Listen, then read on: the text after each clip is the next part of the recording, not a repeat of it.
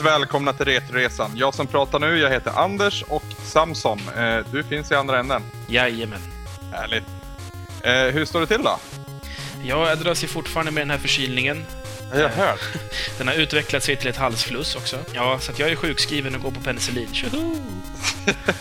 Ja, det, var inte så kul att höra. Nej, eh, det kunde varit bättre. Men å andra sidan, sjukskrivningen gör mig gott. Det är skönt att få vara hemma. Ja, jo, så är det. Jag är mest arg. Mhm. Jag har hållit på och brottats och bråkats och, och, och skrikit på Telia i ett par dagar nu för att min internetuppkoppling inte beter sig som den ska göra. Va? Så om jag låter konstigt, om jag har lite dålig, vad säger man, om jag låter burkig så, så skyller vi allt på Telia för det är absolut 100% deras fel. Då är vi där överstökat. Jajamän. Idag ska vi prata bärbart Samson och eh, Musse Pigg bärbart. Men innan vi går in på det så får du öppna postsäcken. Jajamän. Och då tittar vi först på våran sajt, retroresan.se. Där har vi Lance McCloud som har skrivit Så fittungen går bra, men Ahor är inte okej som namn på Final Fantasy-karaktär. Det är ju riktat till mig då, eftersom jag pratade om att jag döper Juffy till Fittungen, men jag tyckte inte det var okej att döpa eh, Rinoa till Ahor i åttan. Jag försvarar mig som så. Rinoa är en, om inte huvudroll, så snudd på huvudroll. Hon är jätteviktig för storyn och hon har jättemycket interaktioner. Juffy är en valbar sidokaraktär, så man kan skippa helt och hållet. Mm. Därav ser jag att det finns en liten dispens där. Eh, Ja, men just också hur Jaffe kommer in, att de kommer in och verkligen tar över och sen har hon typ noll betydelse i, i själva storyn egentligen. Ja. Men ja, det är klart att jag inte ska vara så jävla högfärdig och säga att det är fel att döpa någon till hår när jag själv döper någon till fittungen. Men ja, eh, halvrätt från min sida och halvrätt från din sida också, Lens. Ingen hade halvt fel. Nej, såklart inte. Det, det finns inga fel på Retresan. Lens fortsätter med att han fattar inte hur man kan gilla Wolverine faktiskt. Innan du avbryter Anders så ska jag läsa ut hela och försvara mig och sen får du hugga mig. Mm. Stereotyp emo-kille med dåliga one-liners, dessutom är han odödlig. Jag baserar detta förvisso mest på filmerna, men verkar vara genomgående egenskaper för karaktären i alla medieformer. Mitt försvar här är att i seriernas värld så är Wolverine inte alls så här en, endimensionell som han framställs i filmen.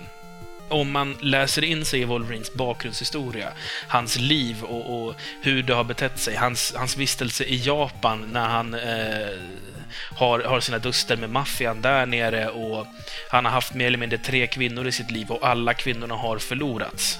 Eh, och hur det har liksom påverkat honom och varför han är som han är.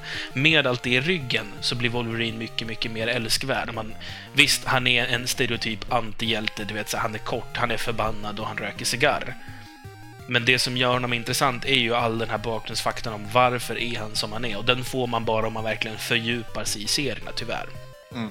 Ja men alltså jag tycker inte speciellt illa om Wolverine, vill jag vara väldigt tydlig med att säga. Det är bara att jag tycker att Gambit är jävligt cool. Och därav också coolare än Wolverine. Det var liksom det dispyten handlade om förra veckan.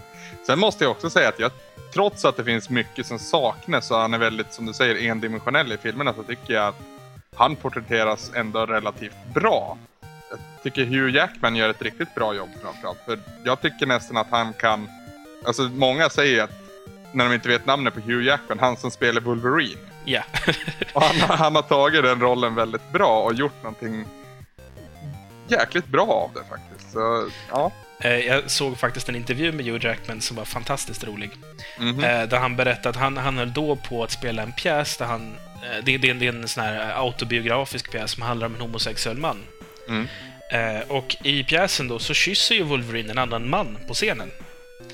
Och vid ett tillfälle när de gjorde det här då, live på scen, eh, någonstans i New York misstänkligen, så hör man från publikhavet precis när de kysser varandra Wolverine, no!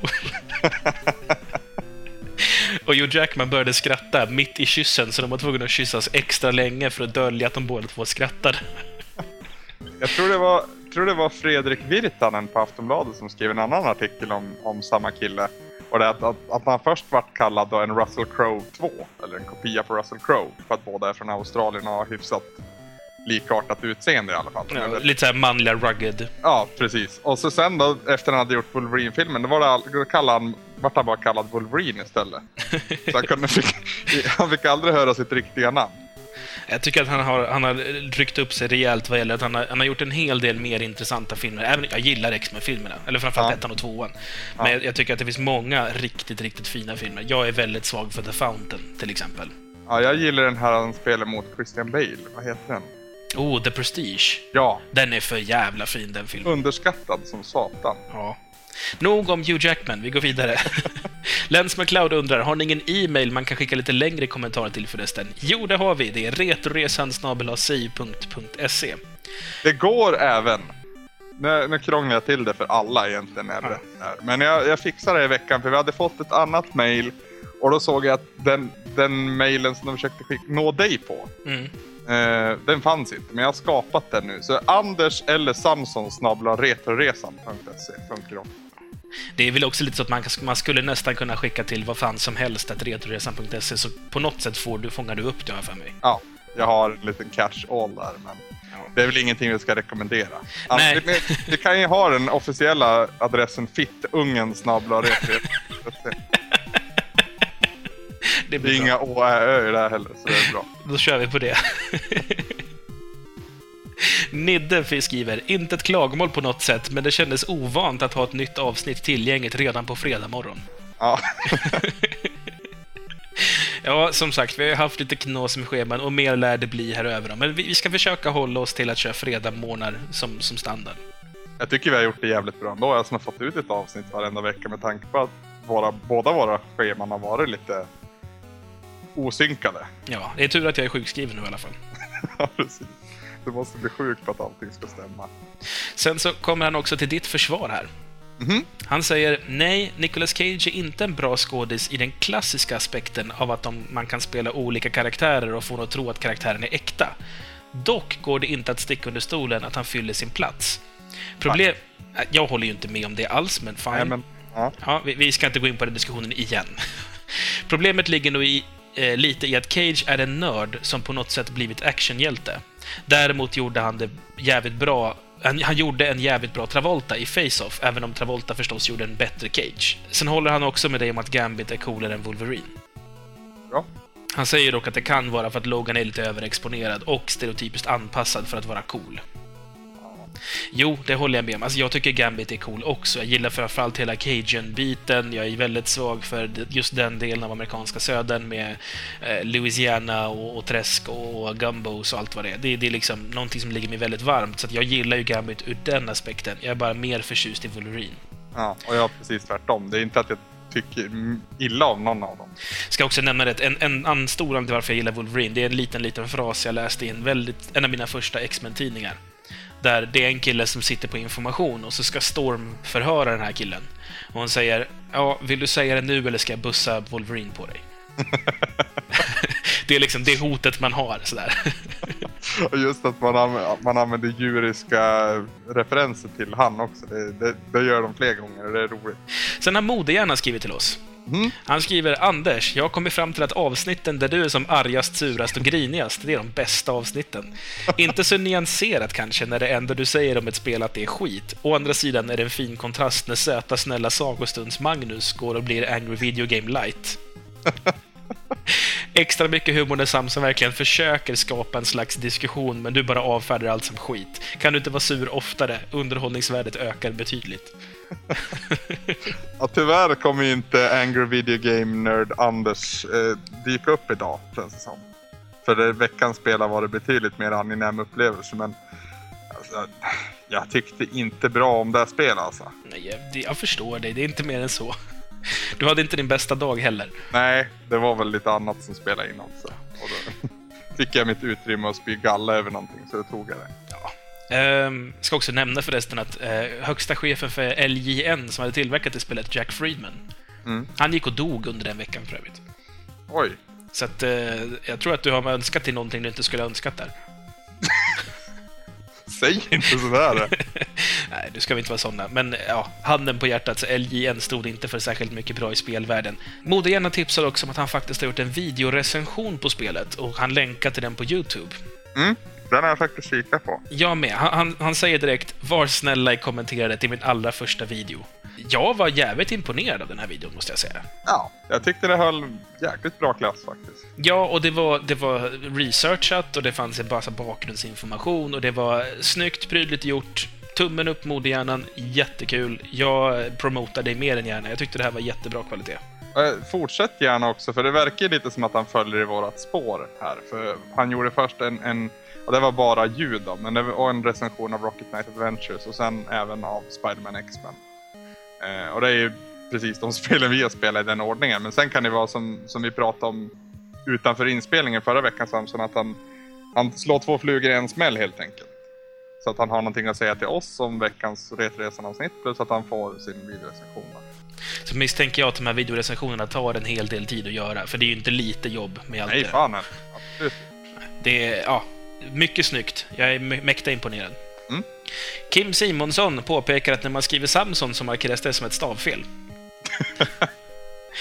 Eh, han säger också att det måste vara jobbigt att tampas med det problemet. Nej, inte särskilt. Tänk, tänk om du och jag skulle gifta oss Samson och du tog mitt efternamn. För Brunlöv blir också ett stavfel. Samson Brunlöv, vilken jäkla mobbad sate. Du, Samson är typ det manligaste namnet i världen, så det är ingen fara där. Brunlöv, det är bara så naturligt. Det, det är inget problem alls. Jag tror att det skulle vara... Brunlöv är ett gammelsvenskt kungligt namn. Titta, det ser man. Nej, Det, det gissar jag bara, men det låter... Eh, Tarmstorm säger apropå att D- eh, DC bara har Batman som bra hjälte, så finns ju faktiskt både V och Rorschach bland annat. Alltså jag glömmer alltid bort Watchmen.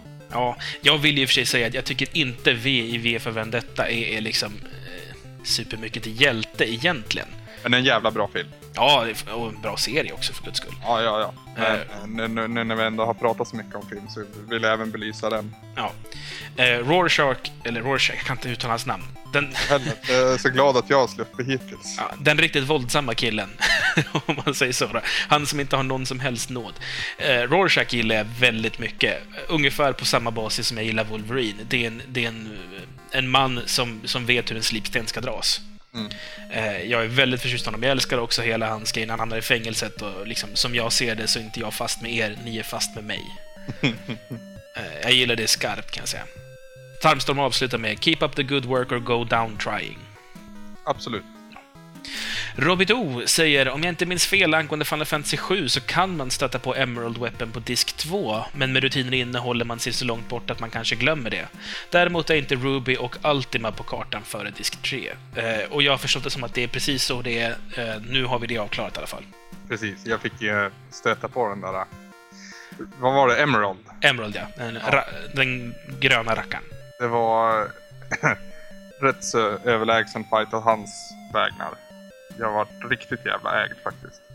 Det brukar bli så. Eh, det är ofta att man blir ägd av Emerald Weapon. Varje vaka skriver “Trevligt avsnitt som vanligt. Tack, tack. Flera tummar upp. Tack, tack, tack.” Tack, tack, tack. Jag har plockat upp FF7 igen i och med sagostunden. Hade en gammal spaning runt där Anders är nu. Jag tänkte det kunde vara kul att ta mig an det igen. Det första som slog mig var att dialogen innehåller betydligt mer tuff amerikansk slang, inom citationstecken, än vad jag kommer ihåg. Eh, Och det är typiskt att det ska vara Sid och Barrett som jag har i min favoritgrupp som är de värsta förbrytarna. Mm. Ja, det är framförallt, framförallt Barrett tycker jag. Jag tycker inte det är så mycket amerikansk slang heller. Jag tycker det är Japans syn på amerikansk slang.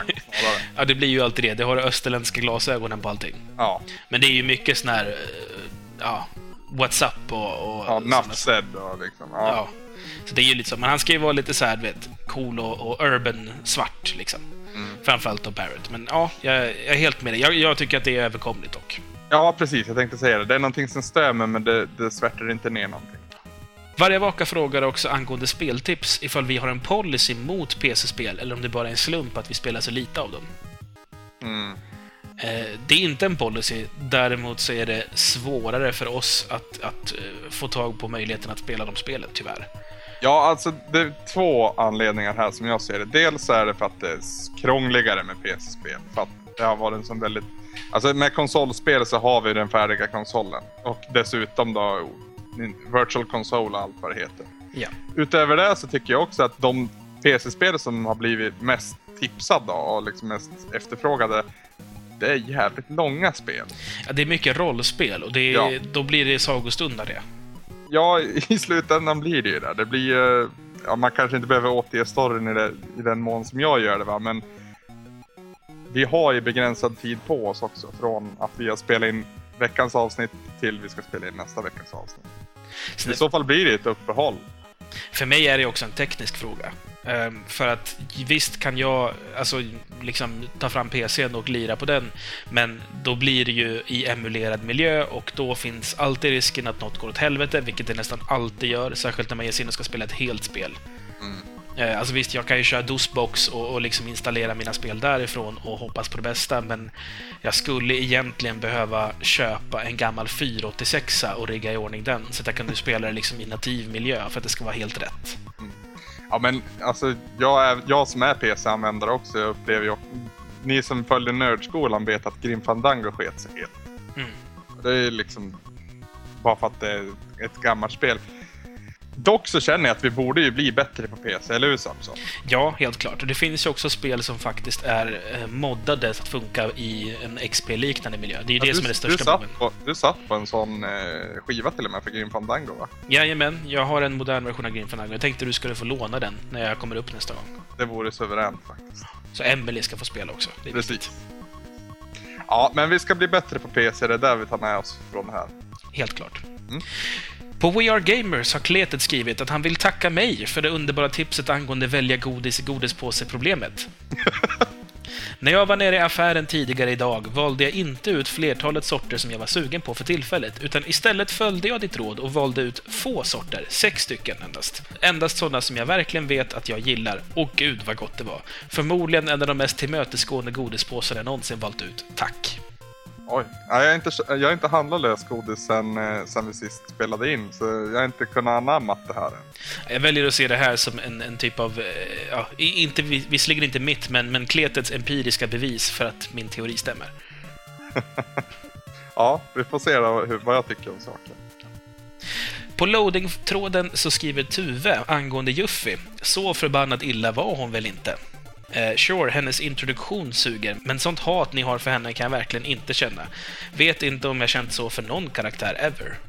Alltså jag tror ditt hat är mer påtagligt än mitt först och främst. Jag mest ogillar henne Ja, eh, för det hon är. Sen, sen tror jag det handlar väldigt, väldigt mycket om när man stöter på henne i spelet. Om det är en medveten handling eller om det sker av misstag. mm. i mitt fall första gången så var det av misstag. Ja, och därav har det färgat resten av, ja, resten av din bild av henne. Ja, sen måste jag också säga att den här diskussionen är egentligen större än bara Juffy. Jag tycker inte om den här traditionella JRPG-karaktären som är den unga, perky tjejen med attityd. Finns väl även en i Final Fantasy 13 va? Finns en i varenda Final Fantasy. Och jag gillar dem aldrig. Jag gillar inte Selfie i åttan, jag gillar inte vad hon heter i nian. Tian har jag knappt spelat. Jag gillar inte, eh, vad heter hon, Van, som är i och för sig en manlig variant av samma karaktär, och hans tjejkompis som är samma, exakt samma stereotypa unga japanska tjej. Jag har nyligen börjat spela Final Fantasy 13, eh, för jag hittade det väldigt billigt begagnat. Och tro på fan, det är en till irriterande jävla småbrud där också. Hon är i och för sig värst. Hon är värre än Juffy. Jag tycker Juffy är en av de, en av de här tjejkaraktärerna som jag mig minst på. Eh, För hon är inte riktigt lika dryg. Hon, är i och för sig, hon har det här dryga att hon stjäl all materia, men, men det kan man ändå leva med. Men eh, ja, framförallt i 13, gud vad jag stör mig på vanilj. Eh, Jag är jävligt tokig när jag sitter och spelar det. Ja, ett glas vatten. Håller med Tuve och säger Jag hade aldrig det där problemet som du har med Juffi Samson. Jag tyckte Vutai var jättemysigt och sidouppdragen man gör med henne gjorde jag bara farten. Eh, ja, han tror att det har att göra med att vad man gör det här i spelet och så vidare, precis som du också tror, och det, det är jag helt med om. Mm. Sen säger jag också att han tycker att Juffy är bäst i fnittertrion, som han kallar de här tjejerna då. eh, tillsammans med Selfie och Ricky då. Ricky heter de från, från tian jag här. Jag tycker att hon som karaktär i alla fall inte gör att storyn bajsar på sig som Kate Sith gör. Eh, jag tycker att de beter sig helt irrationellt när de låter katten vara med. Jag, jag har inte mycket till övers för Kate Sitt heller och han får ju aldrig följa med på någonting.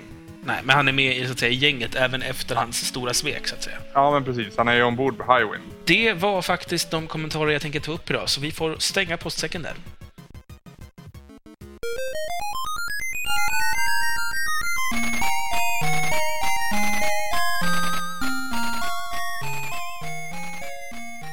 Veckans spel då, det är Castle of Illusion starring Mickey Mouse. Visst heter han så? Jajamän. Ja, precis. Musse Pigg vill, vill jag säga på en gång. Eh, och vi har faktiskt varit så ovanliga att vi har spelat det här på Sega Game Gear. Eh, en för mig helt ny maskin. Du hade ägt den när du var ung va Samson? Jajamän. Jag hade aldrig egen Gameboy, men jag hade Game Gear. Ja, Jag hade varken eller faktiskt. Däremot hade jag en kompis, eller flera kompisar, som hade Gameboy som jag fick låna då. Och testa massa olika spel. Eh, men Game Gear höll jag i för första gången under den här veckan faktiskt. Det var Ja, en, så pass. ja, det var en väldigt, eh, ja jag vet inte vad man ska beskriva det som, konstig känsla. Men eh, jag gillar den alltså. Ja, alltså, jag tycker Game Gear var en riktigt skön maskin. Jag tycker att det är en, en, den är stor och robust, så det är ingenting man tappar bort. Nej. Det är en bra skärm. Jag tycker inte det är det här Gameboy-problemet med att man kan absolut inte spela den utomhus. Nej, Jag spelar faktiskt eh, det här spelet utomhus ett par vändor nu när det har varit finväder. Mm. Så det, det funkar väl. Det funkar faktiskt bättre än vad det gör på moderna bärbara konsoler. Det enda kruxet det är ju hur mycket jävla batteri den här maskinen suger. Ja, det är väl där kanske. Eh, För det, det är sex stycken rejäla såna här tjockisbatterier, sådana som man har i typ gamla 80-talsbandare.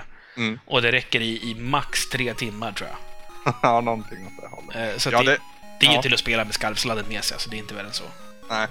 Eh, ja, men det, man förstår också lite varför den suger så mycket kraft. För det här är ju ett Master System egentligen med bättre skärm eller med bättre färgåtergivning. Mm. Så det är ju, till skillnad från Nintendo så gjorde ju Sega en superior, så att säga, version bärbart än vad de hade som stationär konsol. Då. En annan sak som jag tyckte var imponerande om man än en gång, jag, eller jag, det var ju oundvikligen att jag gjorde det, jag jämförde det med Game Boy. Mm. Och trots Game Boy har ju väldigt mycket bra spel och så, och det var väl därför också som den var den vinnande bärbara maskinen så att säga. Det är väl ingen som har nått upp till, till dens, ja kanske DS då. Skitsamma, den har ju faktiskt stereoljud den här maskinen också. Om man pluggar in hörlurar det vill säga. För de där små nere i hörnen de gör inte så väl- väldans mycket. Nej, inte så, inte så värst. Nej. Men det, det är ändå liksom, maskinen kom ut 1991. Jag är faktiskt jävligt imponerad.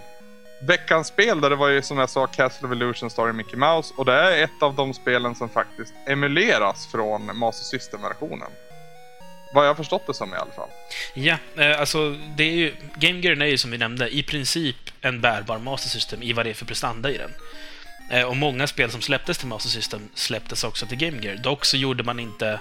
Man gjorde liksom en portning, man gjorde inte exakt samma spel. Här är ett av de fallen där man faktiskt har gjort så att det är exakt samma jävla information som det är i, game, eller i i Master System-kassetten. Mhm. Eh, Så det, det är den, den, en emulering som sker här. Och den, det behövs ju inte emuleras mycket med tanke på hur, hur lika hårdvarorna är. Men det är ett av de få exemplen på det faktiskt. Det är värt att nämna helt klart. Mm, mm, mm. Spelet i fråga då det i alla fall, det är ju en, en del i serien Castle of Illusion, vad jag förstått.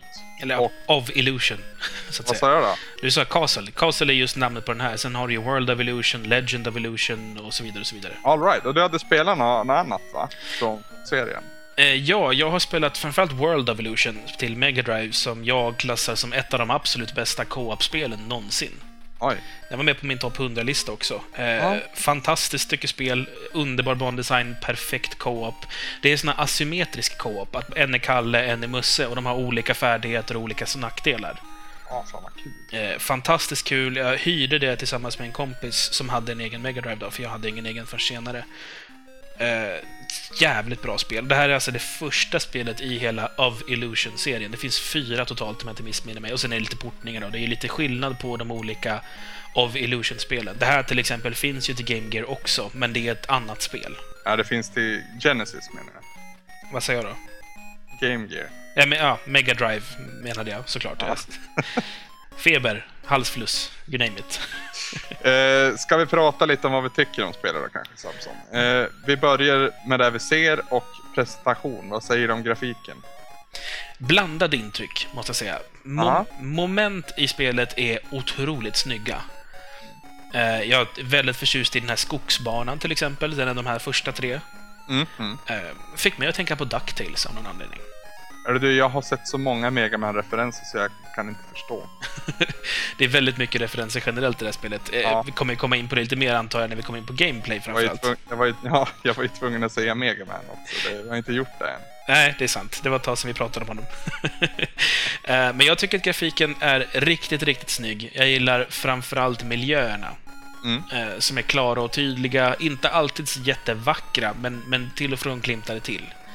Däremot kan jag tycka att spritesen ibland inte är de bästa, men det har väl mest att göra med maskinens prestanda. Mm. Eh, Men jag tycker det här introt till exempel bara med Musse på klippavsatsen. eh, Makalöst att det kommer ur en liten bärbar skitmaskin egentligen. Det ser ju för jävla snyggt ut. Väldigt mycket Ninja Gaiden tyckte jag faktiskt. Ja, fast, fast i liksom ordentligt realiserad i färg och så vidare. Ja, ja, ja absolut. Ja, just färgerna tycker jag det sprudlar om, måste jag säga. Mm. Eh. Tydligt och vackert, eller inte vackert, men, men smarta färgval hela tiden. Ja. Sen tycker jag att själva Musse Pigg då, han animeras på... Kan, visst kan man störa sig lite på att han står och flinar exakt hela tiden, men alltså jag tycker han animeras på ett snyggt sätt ändå. När han står på en kant så börjar han vifta för att han ska ramla ner och allting ser väldigt mjukt och liksom gediget ut på något vis. Mm. Det enda jag kan störa mig lite, lite på, Mhm. det är att jag ibland tycker att den, den grafiska design man har valt ibland känns lite... Jag vet inte vad man ska kalla det, alltså lite falsk. Eh, det känns ibland lite mer tjeckisk kopia än ren Disney. Mhm. Eh, det är någonting där, något magiskt som saknas. Jag vet inte om det är liksom... Det är lite opersonligt kanske. Jag tycker inte det känns som att jag har den relationen med miljön som jag tycker att jag har annars i Disney. Jämför med Aladdin till exempel, till Super Nintendo och till Genesis. Mm. Visserligen är det en annan plattform och så, så att det finns ju tekniska aspekter som skiljer dem åt, men där har man en helt annan rumskänsla än man har här. Mm. Det kan ju vara att det är så spretigt också. Varje nivå är ju sin egen miljö och det, det, kopplingen mellan dem är inte så jätteuppenbar jämt. Det är ju Mega Man. Alltså, tänker du efter så är det faktiskt det. Det är första Mega Man för det, det är sex olika banor. Du kan, ja, I och för sig, du får bara välja mellan tre då till en början och sen tre till. Alltså det är Mega Man X alltså. Ja, precis. Före sin tid. Eh, Det var här Mega Man X hämtade inspiration, eller Capcom hämtade inspiration till Mega Man X. Nej, men och så sen då så kommer det ju faktiskt till det här uh, Ca- Castle of Illusion. Och där har du ju dels en subboss och dels sen en slutboss. Så jävla tråkig slutboss. Väldigt lätt. Väldigt, väldigt lätt. Tänkte du på hur hon satt när hon var besegrad? Eh, med hur hennes brooms... Eller ja, du menar på slutet när hon ligger och tigger och ber som en annan Dr. Wily menar du? Ja. Ja. det, det gick inte att undgå eh, den, nej. Det, direkt så tänkte jag, ja, nu ska hon böna för sitt liv och sen springa iväg och, och trycka på någon knapp så allting rasar. Nej, och så sen har vi även en Yellow Demon i, i, bland bossarna, även om han dyker upp då som en av eh, de sex första banornas bossar. Mm. Jag har allmänt jag har skrivit upp bossstölder som en rubrik.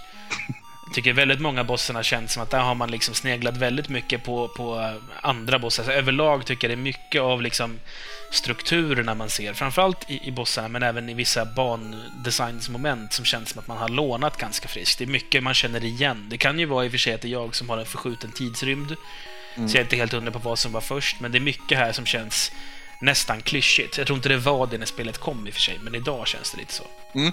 Eh, ja, vi fortsätter på presentationen och vi går in på ljudet istället och eh, musiken till att börja med. Vad, vad tycker du där då Samson? Jag tycker den är väldigt söt. Eh, en del melodier tycker jag är riktigt, riktigt svängiga. Klocktornet till exempel. Ja, Det, det är mycket sköna melodier, de är lätta att börja nynna på. Det, det är liksom... Det, det är mysigt och välgjort på det sätt som det brukar vara. Lite korta, tycker jag. De, de hinner liksom loopas 50 gånger innan du är klar med en bana. Framförallt vissa banor som är lite större och lite längre, där det finns många vägar man ska gå och hämta nyckel där och si och så. Man, man, det blir lite enformigt till slut. mm. Men, men musiken i sig är det inte fel på, den är bara lite för kort. Ja, jag, jag tycker den är skitbra jag faktiskt. Och det, det är en av de första gångerna som... Jag, jag trodde att jag skulle sakna Gameboy-chippet här alltså. Eh, Jag tänk, tänkte ju på Gameboy hela tiden egentligen, bara för att jag satt på konkurrentens bärbara maskiner. Men även om det inte har fina, samma fina klang så tycker jag att melodierna har skapats på ett sånt bra sätt. Då, men liksom, verkligen med melodin i fokus. Så att det är ingen som torskar på det. Jag tycker det är jäkligt bra gjort faktiskt. Det kanske finns en eller två spår som inte är lika bra annars. Men annars tycker jag just ljudbilden och musiken väldigt hög klass. Det övriga ljud då, det är inte så mycket att prata om egentligen. För det, det finns inte så mycket att hämta, men eh, har vi någonting att säga där? Jag tycker att det var lite tama ljudeffekter. Ja, de två ljud... Det var väl snarare där jag störde mig på att det knappt var några ljudeffekter. Ja, Det är har så- ett förhopp och så är det liksom... Ja, det var ingenting nästan. Ja, det var väl just det här få en smäll-ljudet som känns... Jag har hört det för många gånger tror jag. Ja, ja sen var det vissa av bossarna som inte gjorde, om inte alla var så till och med, som inte gav ifrån sig ett ljud när de fick en smäll. Det kom en annan animation då i och för sig, men eh, det borde ju smälla till lite om man kastar någonting på en stor drake till exempel. Den draken för övrigt, den är väldigt, väldigt, väldigt lik den trehövdade ormen från Mario Bros 2. Ja. Även den här lyfta upp och, flyt, eller, och kasta mekaniken känns ju igen från Super Mario Bros 2. Mm. Visst har de hämtat inspiration från världens alla hörn. Sen om, om det är någonting negativt, det vet jag inte.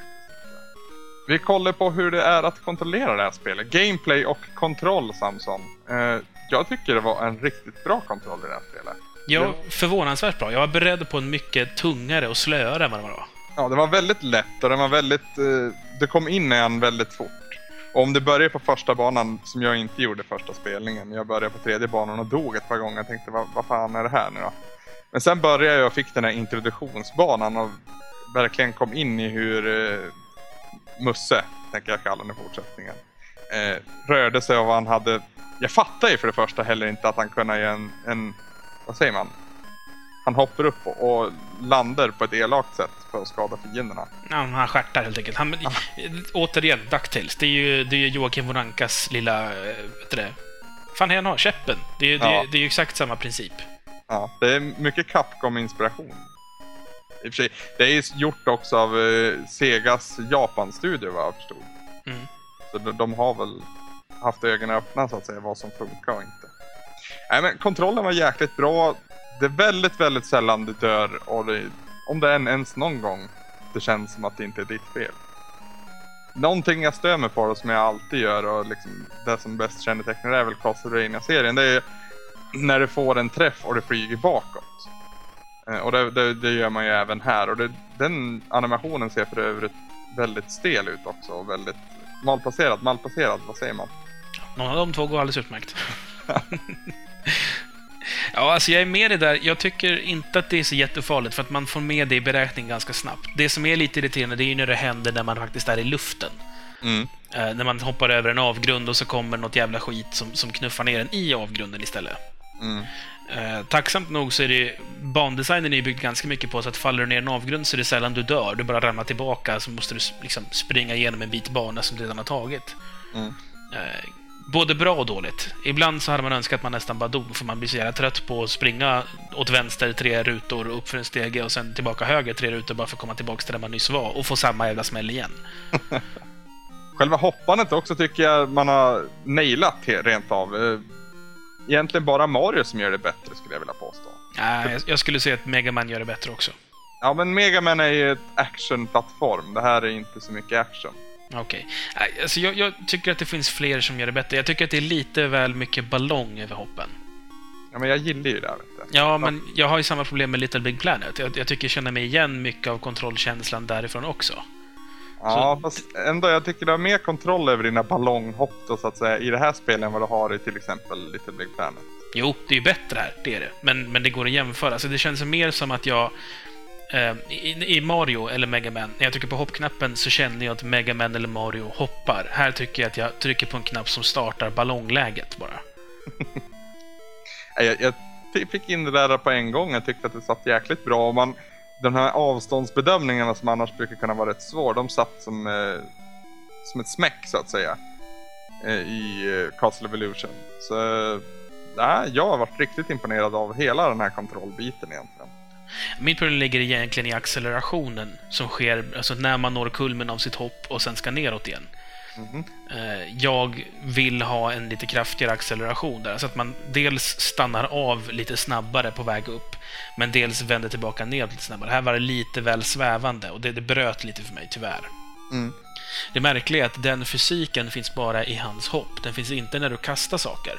Så det blir liksom en, en, en ett, ett brott där mellan liksom, för man vänjer sig vid att okej, okay, det här är den här världens fysik. Så här hoppar Musse.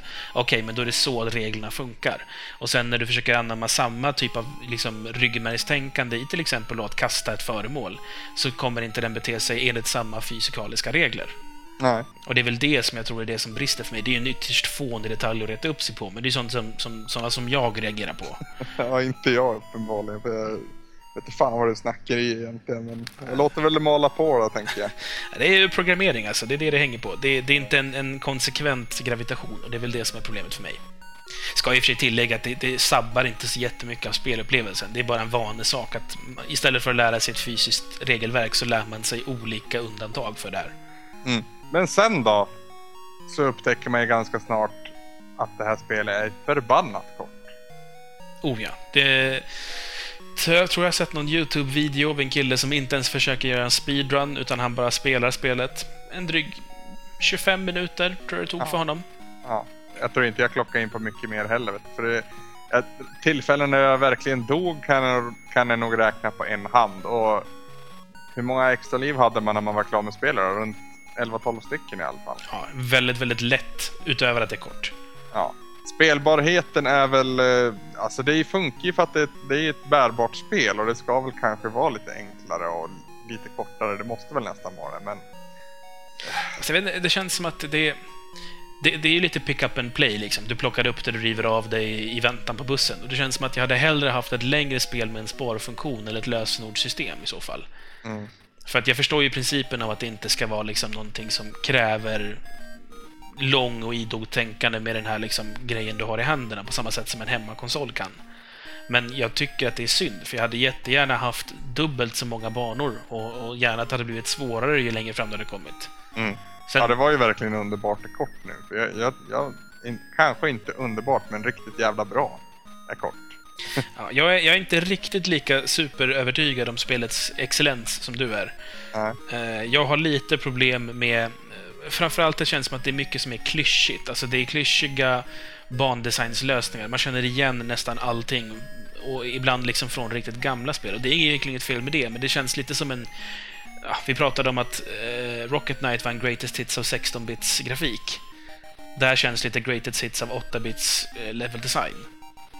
ja, fast det är ett 8-bit-spel också. Jo, men, men det är inte alls... Det, det, det, har liksom inget eget att komma med till bordet. Det har tittat på vad som funkar hos konkurrenterna och sen har den lånat det och ibland tagit liksom spel som inte ens är konkurrenter, men de har hittat liksom, och det här är en intressant spelmekanik, vi tar den. Men man har liksom inte gjort något eget av det, utan man har bara satt ihop eh, en måltid av liksom olika desserter man tycker är goda. och, och visst, visst är det gott att äta den, men, men det är liksom ändå bara en dessert i slutändan. Så du känner dig mest lite jäst när du är klar. Du är inte liksom mätt, du har inte blivit tillfredsställd på det sättet man skulle vilja bli. Nej. Nej, nu pratar du nästan pizza, vi ska väl inte riktigt gå in. Nej, det är lite tidigt. Det bara, jag, har, jag relaterar nästan allting till mat, tjock som är. så det blir ju att jag beskriver det som så.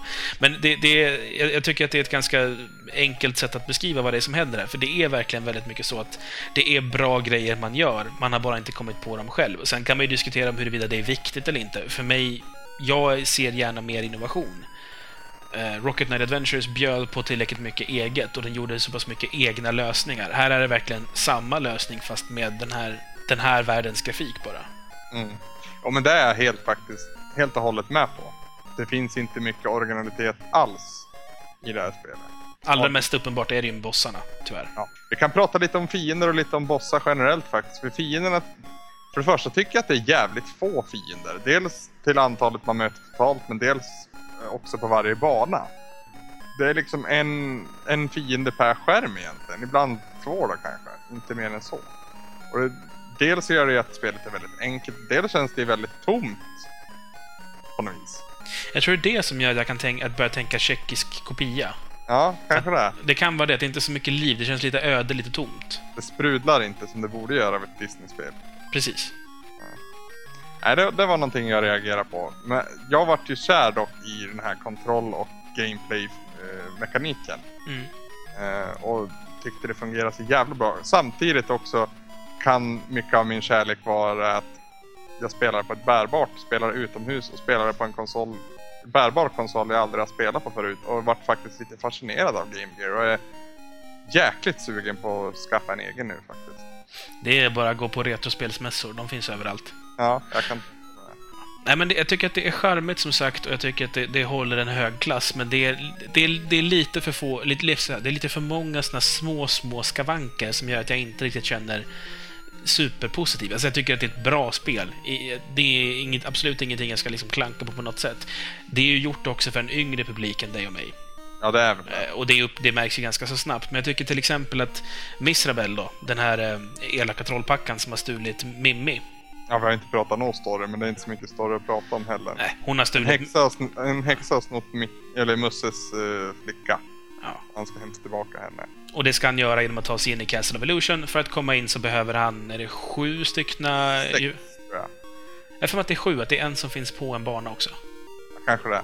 Skitsamma, man ska hitta en massa juveler som man då ska ge till Master of Illusion och han ska låsa upp så man kan komma in och, och liksom ställa Misrabel, eller Misrabel, eh, öga mot öga. Jag tycker att hon som skurk inte är så jättegivande. I, i längre fram i serien så är det mycket mer Svarte Per som är bad guy. Han är ju klockren. Ja, och han är ju dessutom mycket roligare att ha att göra med. Han har ju så många olika inkarnationer av sig själv eh, i den här magiska världen då, som alla Illusion-spelen sig i. Ja. För det är ju inte, det är ju inte Musse Pigg i, i liksom Ankeborg eller så, utan det är ju det är en helt egen magisk värld som allt det här utspelar sig i. Mm. Och det, det finns ju ingen liksom Långben och, och, och Pluto att liksom gå på stan med som man kan tänka sig liksom Musses värld är generellt när han är privat. Utan det här är ju ett litet sagoäventyr och jag kan sakna lite av det här. Alltså jag hade gärna sett mer sånt. Eller kanske en mer intressant skurk som hade kunnat gett. För jag tycker liksom det är ganska opersonligt i, i vad det är som händer. Jag har ingen relation alls med Misrabel.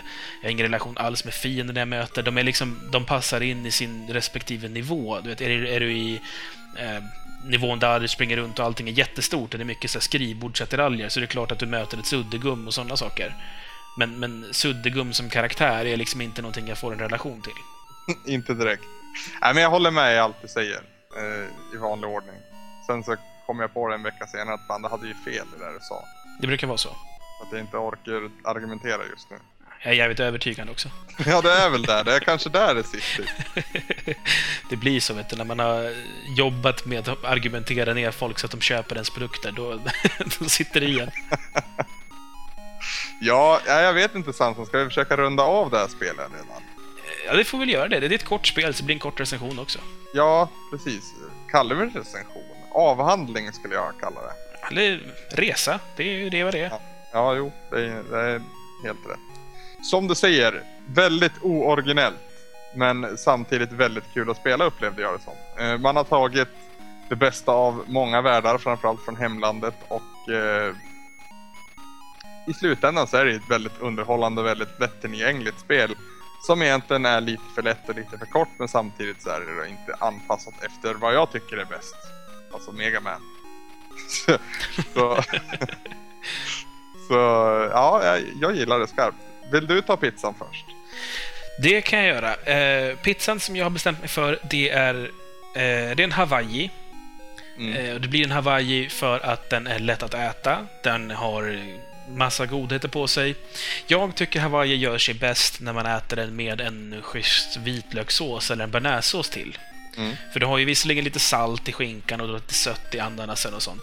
Men jag vill ha lite mer för att få lite mer eh, en rund smakupplevelse, så att säga. Den här känns lite spretig. Och det är väl lite så jag känner med det här spelet också. Så det, det är kort och gott en Hawaii. Ska ju också tilläggas, självklart så är det här en barnpizza, för det är alldeles för litet, du blir inte riktigt mätt. Eh, och till det så ska jag säga att man dricker också läsk till den här gången, och då är förstås en Cola Light. Och inte en, en manlig Cola Zero, utan en flickig Cola Light.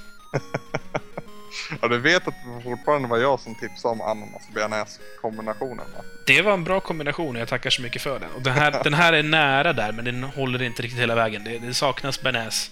Och så är det ju en barnpizza som sagt. Ja. Din då? Jag tycker att det här är en slice snarare. En sån där slice som man ser i eh, alla amerikanska serier när de går och köper en pizzaslice på stan. Eh, som man naturligtvis också bär omkring på. Det är ju ett bärbart spel. Ah, så tjusigt. Eh, Den här pizzakillen han är inte världsbäst på att, att göra pizza. Men däremot så han, har han bra smaksinne och fattar vad som är gott att ha på en pizza. Så han har tagit liksom det bästa av många världar och slängt på lite skinka, lite lök och den här köttfärssåsen som är så jävla god på den här pizzerian rakt över gatan. Den har han försökt återskapa och lagt på lite sånt på den här pizzan också, den här pizzaslicen. Resultatet som blir då för dig som kund är att det smakar jäkligt bra och det, blir, det, liksom, det är en god och väldigt liksom, bra pizza på så sätt. Eh, den sticker dock inte ut som en extraordinär pizza och inte heller så är den väldigt tillfredsställande just för att det är bara en slice. Men eh, för priset och för, ja, för att den är liksom on the go så tycker jag det är riktigt bra.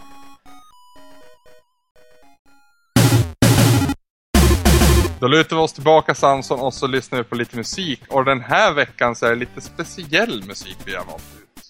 Eh, du ska få ta en liten introduktion alldeles snart, men det är grundat i det kommande segmentet i veckans avsnitt av Retoresan. Så mycket kan man väl säga. Eh, vad är det vi ska lyssna på? Jo, vi ska lyssna på eh, två spår faktiskt, som eh, goda Anders här ska, ska lyckas klippa ihop på något tjusigt sätt. det kommer bli väldigt fulklippt, men... Jag tror att vi överlever. Eh, ja. Det är alltså som så att eh, när Final Fantasy 7 hade funnits ute ett tag så bestämde sig då Nobuo Uematsu att han ville minsann tolka detta på piano. Således så släpptes Final Fantasy 7 The Piano Collections. Eh, och det är alltså spår från spelet arrangerade på piano av Shiro Hamaguchi och det är, eh, spelas då av den professionella konsertpianisten Seiji Honda och låter som så.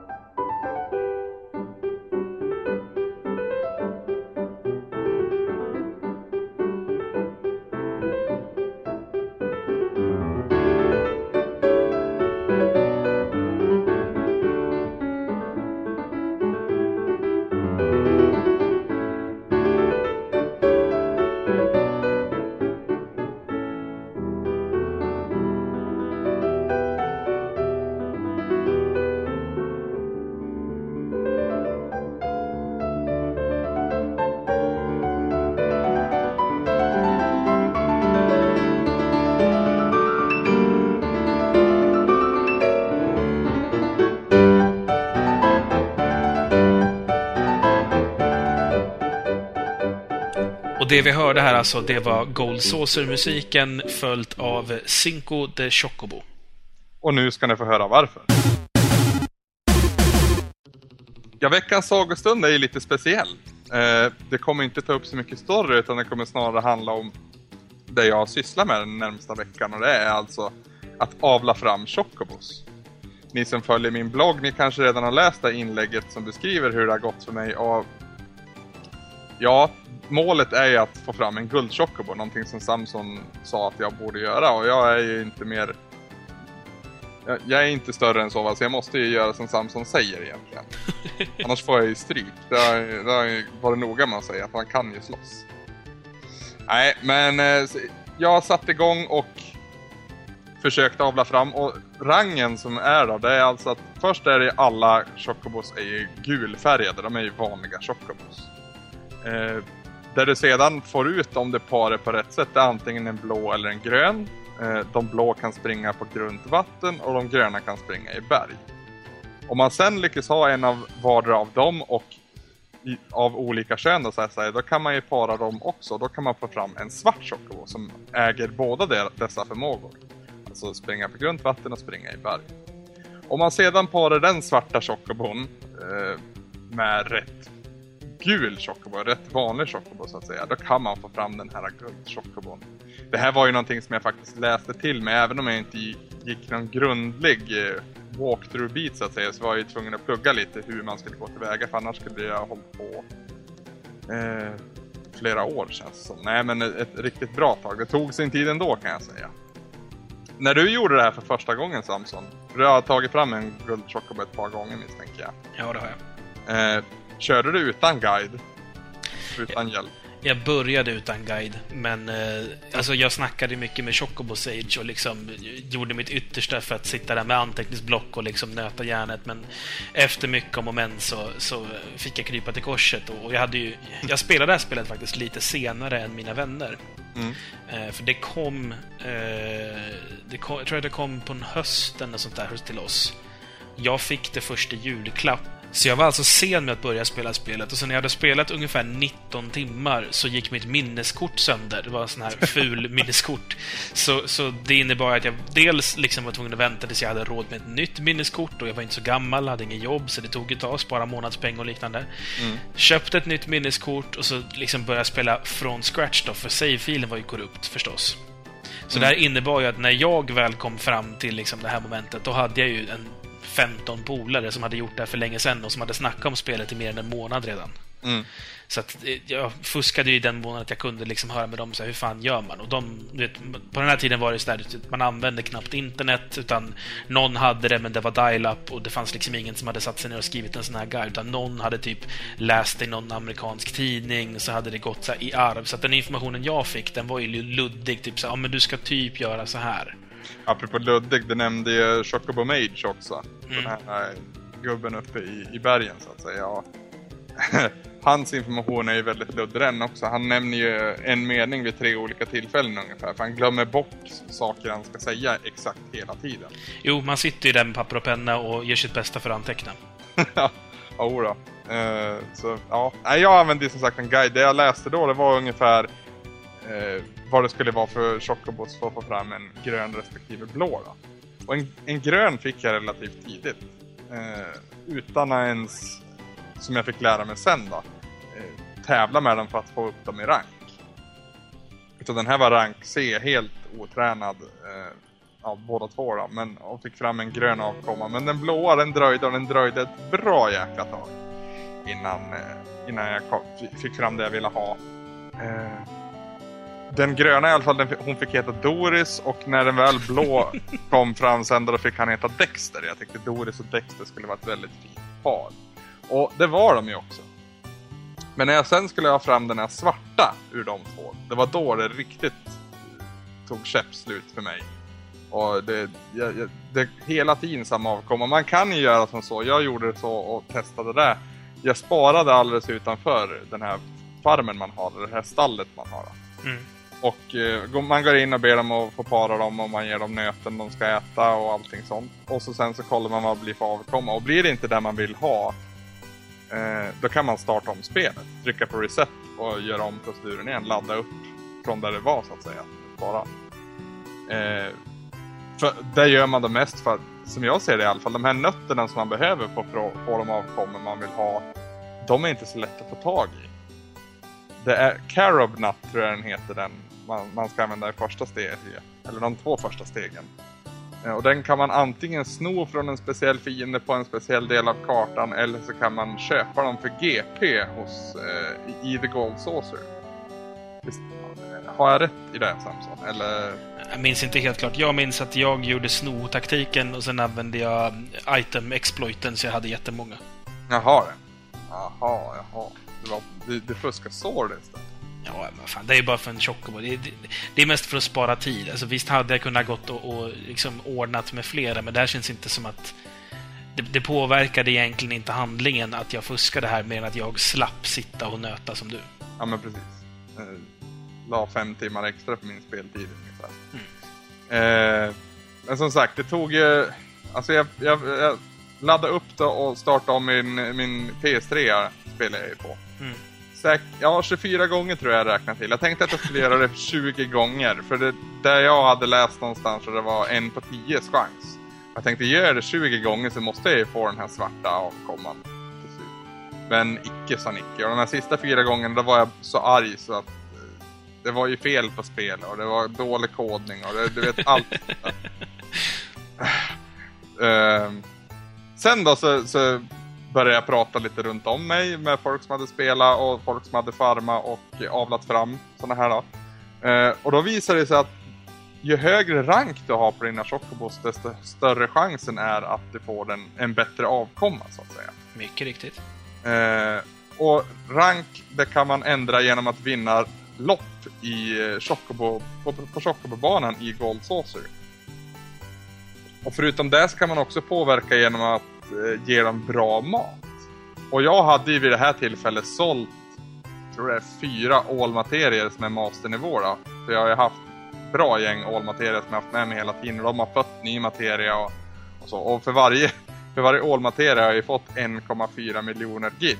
Mm. Så det, ja, pengar är ju inte ett problem. Kan man väl säga. Det vore skönt om man kunde säga så i verkligheten också. Att det var så här enkelt. Eller ja, enkelt är det kanske inte.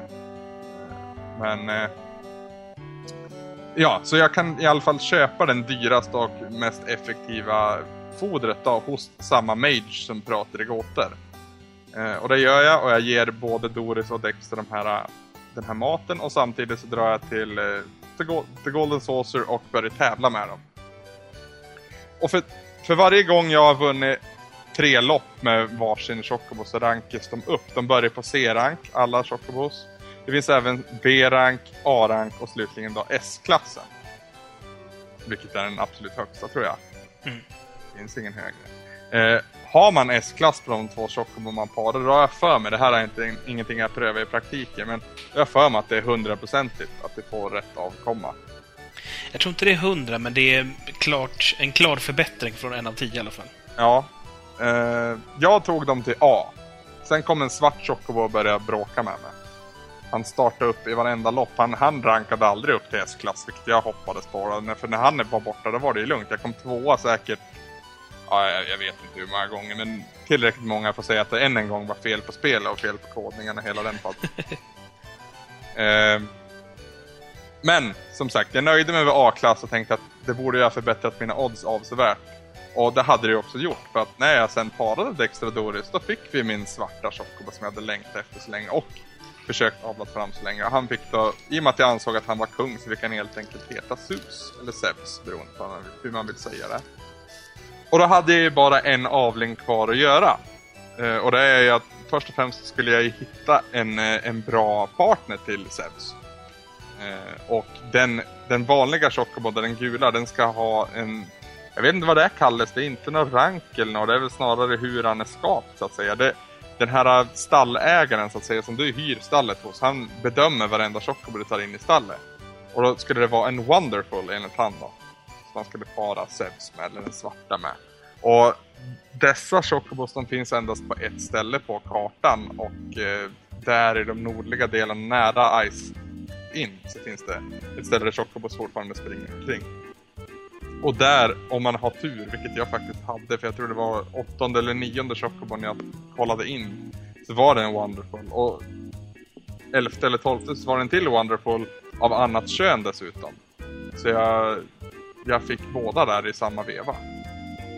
Eh, så jag plockar hem dem och min flicka då, i och med att Zeus var en kille så behövde jag en flicka och flickan hon fick heta Olivia. Varför vet jag inte, jag tyckte det var så fint ut och det var maxantal på tecken man fick ha på en shuffleboard. också. Det var roligt. Eh, tyvärr så kunde jag ju inte avla fram en guldchocobo på en gång för att Zeus var ju fortfarande nyfödd vid det här laget så jag fick åka omkring och göra massa annat. Eh, lite grejer som jag inte ska gå in på i veckans avsnitt som kommer i kommande sagostunder. Eh, det la all, absolut mest tid på det var ju dock eh, Battle Square i Golden Saucer. Eh, det har vi förr. Där man, eh, man tävlar mot åtta fiender egentligen. Och vinner man där så får man battle points. Och de här battle points kan man sedan köpa eh, relativt bra grejer måste man väl säga. Bland annat Clouds sista limit break då, som jag hade ögonen inställda på. Eh, det som var kruxet tidigare för mig det var att det kostade 10 GP, alltså Golden Saucers eh, egen valuta, för att ställa upp i den här arenan. Men efter jag hade tävlat med, med Dexter och Doris så pass mycket så hade jag vunnit en hel del GP. Så jag hade över 200 GP vid det här laget och det innebar att jag kunde starta i alla fall 20 gånger utan problem. Eh, och eh, det gjorde jag. Och det gick jäkligt bra faktiskt. Vissa fighter eh, så fick jag ihop nästan, jag tror det var 11 000 battle points på en fight. Och Ribbon som jag har som accessory på min Cloud, det var ju alltid Cloud som fick slåss. Eh, min Ribbon där var ju helt makalöst suveränt användbar. Och de gånger jag förlorade, de gånger jag inte fick några battle points, det var ju de gånger jag fick den här slotten accessory is broken. Då var det inte kul att heta Cloud. Det är inte Det är- så kul. Nej, för det, det är ju rätt elaka grejer de kommer med ibland alltså. Har man tur så, så får man de här, ja, jag vet inte om jag pratar om det egentligen. Men eh, mellan varje fight så är det som ett eh, roulettdjur som snurrar. Vi pratade lite grann om det sist. Ja, precis. Och då kan man, och då kan man få riktigt hemska saker. Toad eller Mini eller Poison eller vad fan som helst. Får man bara dem innan man får accessories broken, för det är ju min accessory som skyddar mot alla abnormal attacks egentligen. Det vill säga Poison och Mini och fan hans moster. Sleep också tror jag. Mm. Allt sånt där. Eh, då är det ju lugnt. Då blockerar ju den där. Men flera gånger så fick jag faktiskt Accessory som första. Då var det nästan bara att backa ut för man insåg att det här kommer ju aldrig gå. En gång så fick jag det som näst sista. Och då tänkte jag, det, det är väl rätt okej. Cloud har ju rätt mycket kraft att komma med fortfarande här. Och tog ut fienderna och tänkte att nu är det bara sista kvar. Och då får jag naturligtvis Mini. Och den första slotten jag hade fått, det var att min eh, item var blockerat. Så jag hade ju inte, jag kunde inte använda en remedy heller för att bryta den här förtrollningen. Så att jag ställdes mot den här sandormen om du vet vilken jag menar då. Väldigt stor orm som inte gör så mycket skada faktiskt. Har man, man, man kan börja somna av han ibland med hans sandstormattack och så. Men jag var ju mini. Och som mini då gör man ett i skada. Jag hade lite magic points kvar så jag kunde skicka någon komet och så, men det räckte inte. Så det slutade ju med att jag med mycket hälsa kvar fick stå och vänta på att han skulle döda mig. Och jag, för att fördriva tiden så försökte jag attackera honom och ta ett, ett, ett, ett hela tiden, men det gick ju inte. Så det var nog den tyngsta förlusten av dem alla. Eh, den roligaste fighten av dem alla och den, den roligaste vinsten, det var ju när jag mötte en sån här, heter de Tonberry? Mhm. Menar du eh, han som går så slött? Vi kanske ska prata lite om den fienden, för det är ju någonting som verkligen kännetecknar Final Fantasy 7. Eh, Eller den sadistiska ådran i Final Fantasy 7.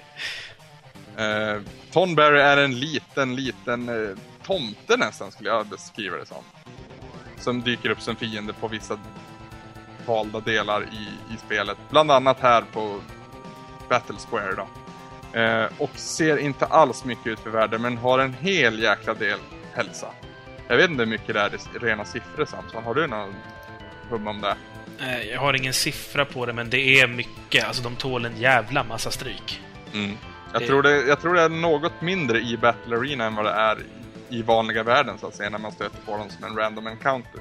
Ja, de levlar ju i takt med dig ute i världen, tror jag. Ah, okej, det är så det är. Tror jag. Det kan vara helt ute och cykla på. Jag ska inte skriva under på det. Nej. Eh, I vilket fall som helst då, så jag har ju mött sådana här innan och jag vet vad som händer för att de går väldigt sakta mot dig och de tar, säkert, de tar gärna omvägar också för att ta sig till dig. Eh, men när de väl kommer fram så drar de fram en kniv och eh, hugger dig och du tvärdör på en gång. Det finns ingenting du kan göra åt det. Det finns inget, ja jag vet i alla fall, tjuvknep för att ha ihjäl de här heller utan det måste helt enkelt vara hög level eller springa så långt, så fort du kan bort från honom. Ja, ja. Ös på bara. Det är det enda som gäller. Ja, Eh, eller uh, escape då. Ja, fegis. Ja, men har du inte sparat på väldigt länge så skulle jag nog inte se några problem med att springa ifrån fighten. Men det kan man ju inte göra i den här arenan då. Eh, Men det roliga var ju att jag faktiskt tog den här en. Och det är jag mäkta stolt över, för det är väl bland de tuffaste fienderna man kan möta som inte är en boss. Skulle jag säga det. Det finns en annan riktigt jävlig en som heter eh, eh, Marabou också. Nej, Malboro. Mhm. Är det det här spökskeppet? Nej, Malboro är en jätteful och äcklig planta som har en jättehemsk attack som heter Bad Breath. Alltså, Som gör att alla blir confused. bland annat alla får typ alla statusattacker. Ja, då behöver man ribbons så det sjunger om det. Ja, den är riktigt, riktigt, riktigt irriterande. Ja. Ja jag, jag har nog inte stött på en, jag har nog hört om dem snarare. För eh, ja, käften går varm hos samtliga när jag spelar Final Fantasy. Kan jag säga. För det har blivit en liten klick som spelar tillsammans nu, eller tittar på när jag spelar så att säga. Mhm. De försöker hålla sig från att spoila någonting eller från att liksom berätta exakt vart jag ska och så. Men de gånger jag behöver hjälp så har jag ju den hjälpen jag kan få där. Det, är- det är skönt. Tomberen har för övrigt 30 000 i HP här. 30 000, det är inte så jäkla mycket. Nej, men när man är själv så blir det mycket. Ja, och så plus att ha, när han väl attackerar, då är det ju. Man är inte så här att... Nej, det, det spelar ingen roll hur mycket HP du har heller tror jag. Det, det spelar ingen roll. Han, han one-shotar dig och du är stek. Ja, han, han stabbar dig och så är det kört. Det är bara så. 30 000. Jag använder ju Bahamut, eh, den här andra, vad heter den? När han lyfter upp i marken. Neo Bahamut. Ner Bahamut. Eh, plus eh, Comet 2 eh, gånger 4. Quad, Quadra Magic som jag pratade om förra avsnittet att jag glitchar fram lite grann. Jag hade ju kunnat ta det nu dock, för man behöver ju en, en, en, en blå på att ta den. Men i alla fall den, den som gör att man får kasta samma spell fyra gånger, eller samma summon. Nej, samma magi fyra gånger. På en turn så att säga. Mm. Eh, och det gjorde att han faktiskt dog. Och känslan när han försvann och jag fick mina battle points som jag tror det var den gången jag fick extremt mycket. Den var ju helt enorm alltså. Och då fick jag ju faktiskt också råd att köpa den här Omnislash, för det var ju den jag var ute efter. Det är alltså Clouds sista limit break och det är väl så med alla sista limit breaks att det är grejer man måste hitta för, för dem. Ja, precis. Du kan ju bara levla upp till den näst sista i, i vanlig liksom, XP-levling. Den, sista, Mm. den absolut sista final limit måste du alltid ha ett item för. Det är väl inte alltid en XP-fråga heller utan det är väl en fråga om hur mycket de har använt sina limit breaks, sina tidigare så att säga. Mm. Jo, men alltså det är en, en levling som, som all annan levling menar jag på. Ja, precis. Eh, Det är lite olika dock med Nanaki bland annat vet jag, så hans, det hade jag jäkla problem med. Lunar någonting heter hans andra på den första nivån. Mm. När han kastar haste på samtliga partymedlemmar. Mm. Eh, den påverkar inte alls för att låsa upp nästa, utan det handlar om att eh, Nanaki ska döda 80 fiender bara. Ja, det ser man. Det var också någonting jag fick eh, plugga på, för Nanaki stod i bakre led och gjorde, han var i princip bara healer. Eh, i, I det partyt jag använde han i. Har du helt slutat kalla dem för Red nu? Ja. det även, blir fast det så. står, även fast det står Red där så säger jag, det, liksom, det är Nanaki i mitt huvud. Det blir ju så när man vet vad han heter.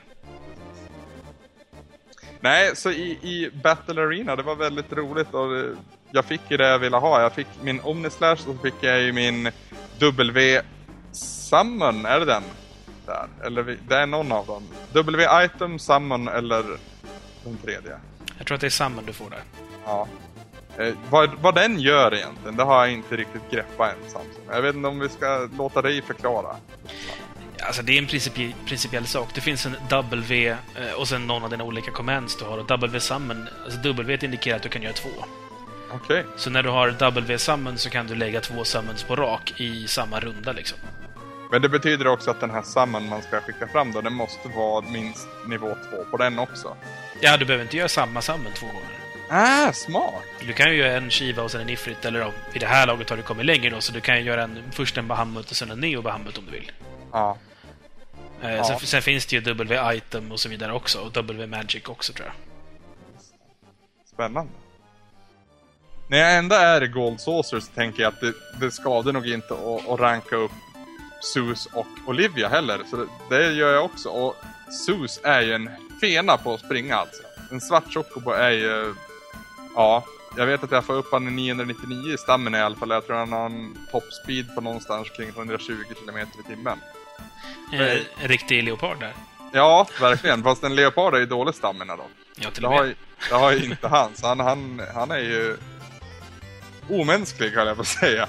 Det är han ju ändå. Men riktigt jäkla bra. Så ranka upp han till nivå A går hur smärtfritt som helst. Jag bryr mig inte om att nå C. Och li- Olivia, det är lite mer plågsamt men eh, efter ett par förluster så, så når hon också nivå A. Och när jag väl återvänder till min, till min farm och till, till mitt stall då parar jag också de två och då får jag ju den här guldchocobon som jag så länge längtat efter. Äntligen. Och, ja, precis. Det, alltså det, nu när jag återberättar det här så låter det inte som att det har tagit så lång tid men det kan jag säga att det har det verkligen. Eh, just för att det tar tid också för dem att växa upp och så att de kan para sig med en annan chocobon. Från att man är nyfödd. Det går inte att hitta en grön, blå eller en svart utan de måste ju avlas fram och då måste man vänta efter det och så måste man vänta ännu en gång. Men nu behöver jag inte vänta mer för nu har jag min guldchocobo. Och i och med att det är den ultimata kvinnan så att säga, och jag får en flicka då, då får hon ju heta Leia också. Mm, tjusigt. Ja, jag tyckte det också. Och hon är ju ståtlig alltså. Apropå Leia, så här, förlåt att jag avbryter, men la du märke till tidigt i spelet att två karaktärer hade Star Wars-namn? Nej. Biggs och Wedge, Ja, just det ja. som dog när ehm, Sektor 7 eh, gick sönder. Precis. Eh, Biggs och Wedge är ju två karaktärer från Episod 4 av Star Wars. Ja. Biggs och Wedge är också med i Final Fantasy 8 som två återkommande karaktärer. Mm. De är alltid sidokaraktärer, men de, är, de dyker upp där också. Tycker jag är lite charmigt. Är det inte de som är i början av i, i sexan också? Som går med Terra? Kan det nog vara, ja, om jag inte helt missminner mig. Jag, jag, jag, jag tänkte direkt på sexan när du sa deras namn, vet du. Mhm. De, eh, så det är ju Star Wars-fans. Det märks framförallt i åttan. Introfilmen till Final Fantasy 8 är som tagen ur, ur Star Wars. Ja. Ja, men eh, nog om, om nördiga referenser. Berätta vidare vad som hände sen. Ja, det hände inte så mycket mer. Med Leia under mitt förfogande så att säga så kan jag komma åt varenda liten millimeter av den karta som finns. Eh, det jag har ställt in siktet på sedan tidigare som jag har liksom sett när jag flyger förbi det mest. Är Leon på humör? Leon är på humör som ni kanske får han får med han också. Nej, jag har flugit förbi på kartan och sett en ö som inte finns utmärkt på själva kartan. Det är en väldigt liten, väldigt rund ö och där i finns det en grotta och där har jag varit extremt nyfiken på vad som kan finnas där inne. Så när jag väl hoppar ombord, kan man säga så om en chocobo, eh, på Leila, eller Leia, så det första stället jag springer till är naturligtvis dit då, till den här grottan. Och i grottan så får jag också en summon som heter Knights of the Round. Och det är väl den mäktigaste summonen som finns. Den är ju så jävla läcker också. ja, det, den är typ två minuter lång varenda gång du kastar den, men det är ju så jäkla värt det. Och allt slit jag har lagt ner på att avla fram Leia och alla de andra också för den delen, det är ju liksom... Åh, jag får betalt för det, verkligen, med den här summonen. För nu känns det som att jag kan ta vem som helst. Det kan jag nog säkerligen inte, men eh, känslan när man ser den ändå, när riddare på riddare kommer ner och att verkligen, ja, brist på bättre ord, våldtar dina fiender. ja, man måste nog se det för att förstå vad jag pratar om faktiskt. Det är ju den mäktigaste summonen i spelet. Det är det alltså. Mm, det var det jag misstänkte.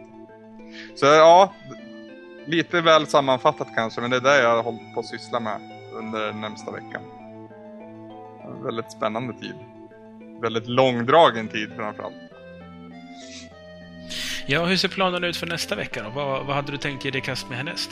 Ja, alltså nu känns det som att jag verkligen har maxat ut disk 2.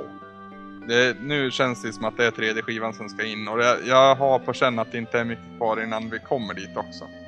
Jag ska ju ner i Junon till den här undervattensreaktorn och kolla vad som händer där. Försöka få tag i den stora materiabiten där.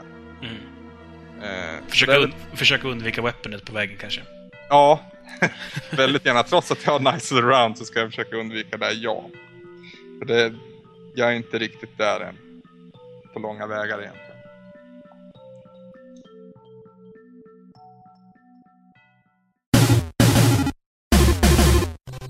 Nästa vecka är också en vecka Samson och vi ska ju spela ett spel då också, eller fram till nästa vecka rättare sagt. Och det är ju någonting väldigt stort som händer nästa vecka kan man väl säga.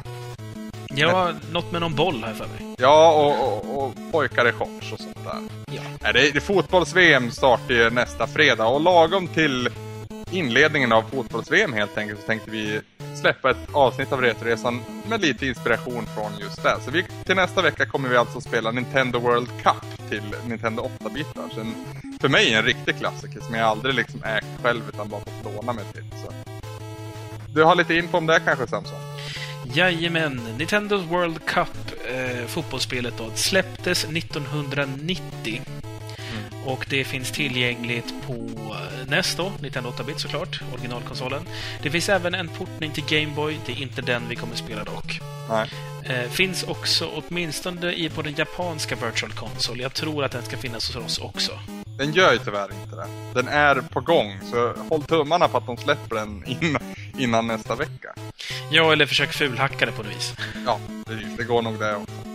Spelet finns också tillgängligt på PC Engine, TurboGrafx CD och faktiskt till Mega Drive. Men jag har ingen aning om eh, så att säga portningar där. Misstänkligen så är det hemmaportningar. Så jag, jag säger kör, kör standard. Det är nog smidigast så. Ja. Det är utvecklat av ett företag som heter Technos Japan eh, och utgivet av Nintendo. Designat av Noriyuki Tomayama, Hiroyuki Sekimoto och Mitsuhiro Yoshida. Vilka Ja. de är har jag faktiskt ingen aning om. Det jag reagerar på när jag ser på bilder och minns tillbaka på det här spelet Samsung, det är att det är samma utseende på de här gubbarna som där i typ River City Ransom. Ja, precis. Eh, Det har att göra med att några ur det här teamet också gjorde River City Ransom och det är till och med så att vissa sprites, som till exempel Kunio och de andra medlemmarna i japanska laget, används faktiskt rakt av i River City Ransom. Jaha, det ser man. Det är till och med samma alltså. All right. Eh, originaltiteln på spelet är för övrigt... Nu ska vi försöka här då. Neketsu Koko Sukar Bu World Cup Hen. Ja, det är imponerande. Eh, ja. Jag rekommenderar inte att ni söker efter det.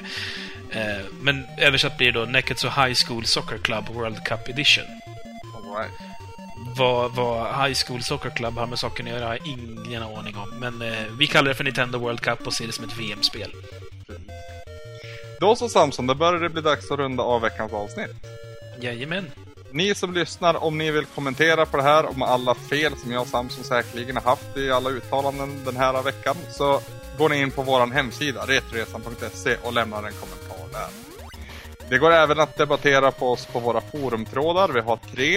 Eh, Gameplay.se, Loading.se och WeAreGamers.se. Och länkar till dem finns också på vår hemsida. Prenumerera behöver man ju göra om man är ball och det gör man antingen via iTunes eller RSS. Och inte helt oväntat så finns det länkar på vår hemsida för även dem. Då. Är man på iTunes så kan man lika gärna passa på att lämna en recension. Vi blir superglada för varenda rad som skrivs om oss, vare sig bu eller bä. Ni kan följa oss på Twitter, twitter.com retroresan. Där utannonserar vi näst, nästa veckas spel blir det väl.